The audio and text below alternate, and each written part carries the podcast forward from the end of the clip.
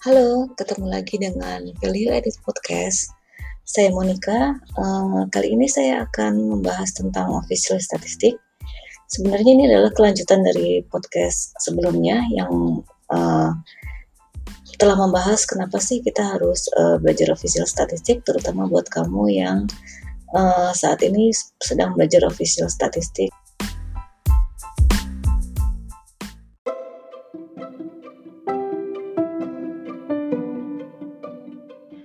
Jadi latar belakang munculnya official statistik ini adalah ketika pemerintah dan stakeholder data itu memerlukan data untuk melakukan monitoring dan evaluasi dari pembangunan yang dilakukan atau untuk melakukan uh, penelitian. Sebenarnya uh, kalau kita ingin membangun suatu official statistik yang dijadikan fokusnya di sini itu adalah bagaimana kita bisa menyajikan official statistik yang berkualitas. Ya, tentunya ini sesuai dengan uh, pertanyaan tentang ilmu pengetahuan gitu ya. How can we know that we know what we know or do not know? Uh, maksudnya bagaimana kita bisa tahu, bagaimana kita tahu apa yang kita tahu atau apa yang kita nggak tahu. Nah, ribet kan ngomongnya. Jadi uh, Maksudnya begini, pekerjaan official statistik itu lebih ke arah bagaimana kita bisa tahu kalau data itu adalah official statistik atau uh, statistik resmi yang bagus gitu ya. Nah, untuk kita mengidentifikasikan suatu statistik itu merupakan official statistik yang uh, benar-benar official statistik gitu, kita bisa menanyakan tiga pertanyaan berikut. Jadi kalau kita punya uh, suatu set data gitu kita bilang ini sebenarnya ini official statistik atau bukan sih? Gitu ya. Uh, kita bisa tanyakan tiga pertanyaan berikut ini. Yang pertama uh, siapa yang mengeluarkan official statistik tersebut? Kalau dikeluarkan oleh kantor statistik pemerintah atau lembaga yang bertugas untuk mengeluarkan data statistik maka kita ajukan pertanyaan berikutnya. Jadi kalau pertama tadi kita tanya dulu ya, ini statistik ini atau data data ini dikeluarkan oleh siapa? Kalau dia dikeluarkan oleh lembaga pemerintahan atau lembaga yang memang bertugas untuk mengeluarkan data tersebut, maka bisa jadi itu adalah official statistik. Tapi selanjutnya kita harus tanyakan dulu pertanyaan berikutnya, yaitu uh, tentang what gitu ya. Apa data yang dikeluarkan? Apakah itu merupakan bagian dari suatu program uh, yang terkait dengan penyediaan data yang sifatnya strategis atau enggak? Kalau dia memang memang masuk dalam uh, suatu program untuk menyediakan data gitu ya data tersebut artinya memang harus dikeluarkan gitu dan harus ditampilkan eh, maka bisa jadi itu adalah official statistik tapi sebelumnya kita harus tanya dulu pertanyaan ketiga yaitu how bagaimana gitu ya. Jadi uh, pertanyaan ketiga ini adalah bagaimana data tersebut dikumpulkan?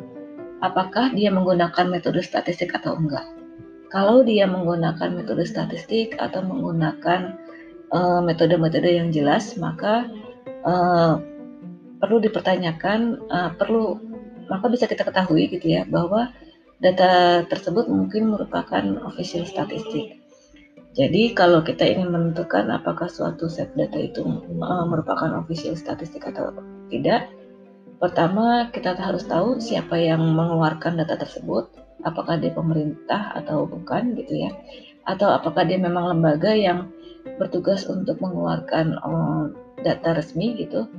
Terus yang kedua data yang dikeluarkan itu apa? Apakah dia bersifat hanya kayak data insidensial gitu ya? Atau misalkan hanya berupa suatu informasi saja gitu. Uh, atau apakah dia merupakan bagian dari suatu program yang memang uh, harus mengeluarkan data statistik seperti itu kalau dia merupakan bagian dari program uh, statistik gitu ya atau program dari uh, untuk melakukan uh, atau ingin atau perlu menampilkan data statistik maka bisa jadi dia adalah official statistik. Nah yang ketiga ini yang penting bagaimana data tersebut dikumpulkan apakah dia menggunakan uh, metode statistik atau enggak karena kalau tidak menggunakan metode statistik berarti dia bukan official statistik. Jadi untuk menentukan apakah suatu uh, dataset itu adalah merupakan official statistik atau enggak, uh, tadi ketika harus memenuhi ketiganya. Kalau hanya salah satunya bagaimana gitu kan? Kalau misalkan hanya uh, memenuhi yang uh, who-nya, kemudian memenuhi yang what-nya, tapi dia tidak memenuhi pertanyaan yang ketiga nih, yang how-nya ini. Nah, maka itu perlu dipertanyakan apakah dia merupakan official statistik atau enggak.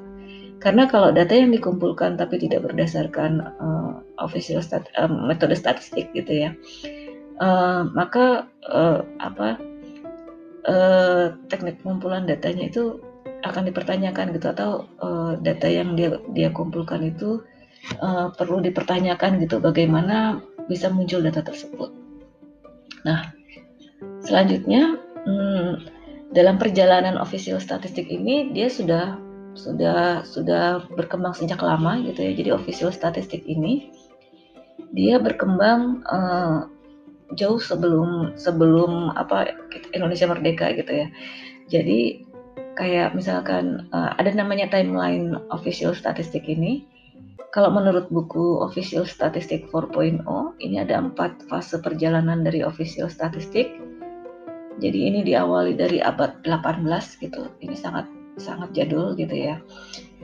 Uh, fase pertama itu adalah fase pengembangan statistik dari abad 18 sampai tahun 1900. Nah, ini ditandai dengan terbentuknya Biro Statistik Prusia di Berlin. Jadi ini adalah bagian dari uh, dulu masih berbentuk kerajaan Jerman gitu ya di uh, ini adanya di Berlin tahun 1805 ini ada di Jerman. Uh, kemudian di fase ini terjadi perkembangan metode statistik jadi mulai berkembang ini uh, metode statistik uh, mulai ditemukan distribusi normal tahun 1808. Kemudian mulai terbentuk yang namanya Royal Statistical Society yang ada di Inggris. Kemudian ada American Statistical, kemudian ada uh, diagram mulai dibuat gitu ya, uh, statistik yang kayak diagram kasus mortalitas gitu karena pada saat itu angka kematian cukup tinggi Terus uh, ini yang paling fenomenal yang saat ini juga masih dipakai itu adalah mulai muncul yang namanya indeks harga less payers tahun 1871.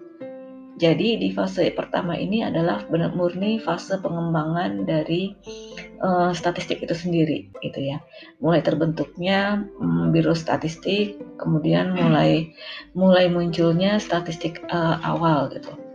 Nah, selanjutnya di fase kedua kita sebutnya sebagai inovasi metodologi. Ini mulai tahun 1900 sampai 1970. Nah, di fase kedua ini uh, mulai muncul inovasi dari metodologi. Jadi, kalau bisa di-highlight di sini ada tiga metodologi dan inovasi teknis yang telah mengubah dunia official statistik. Tiga metodologi yang berkembang atau merupakan inovasi di fase ini adalah yang pertama hmm, inovasi di sampling survei, kedua di national account atau sistem neraca nasional.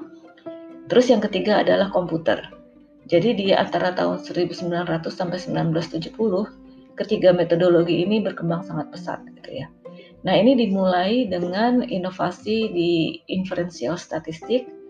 Nah, ini bisa muncul inovasi-inovasi ini muncul karena pada pada periode ini memang ada kondisi politik, kemudian ada krisis dan lalu ada usaha daripada eko, para ekonom untuk memecahkan masalah makroekonomi sehingga ketiga metodologi ini berkembang pesat di periode ini.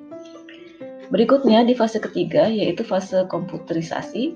Ini diawali tahun 1970 sampai tahun 2010. Di fase ini perkembangan yang paling pesat terjadi itu ada di dunia komputer.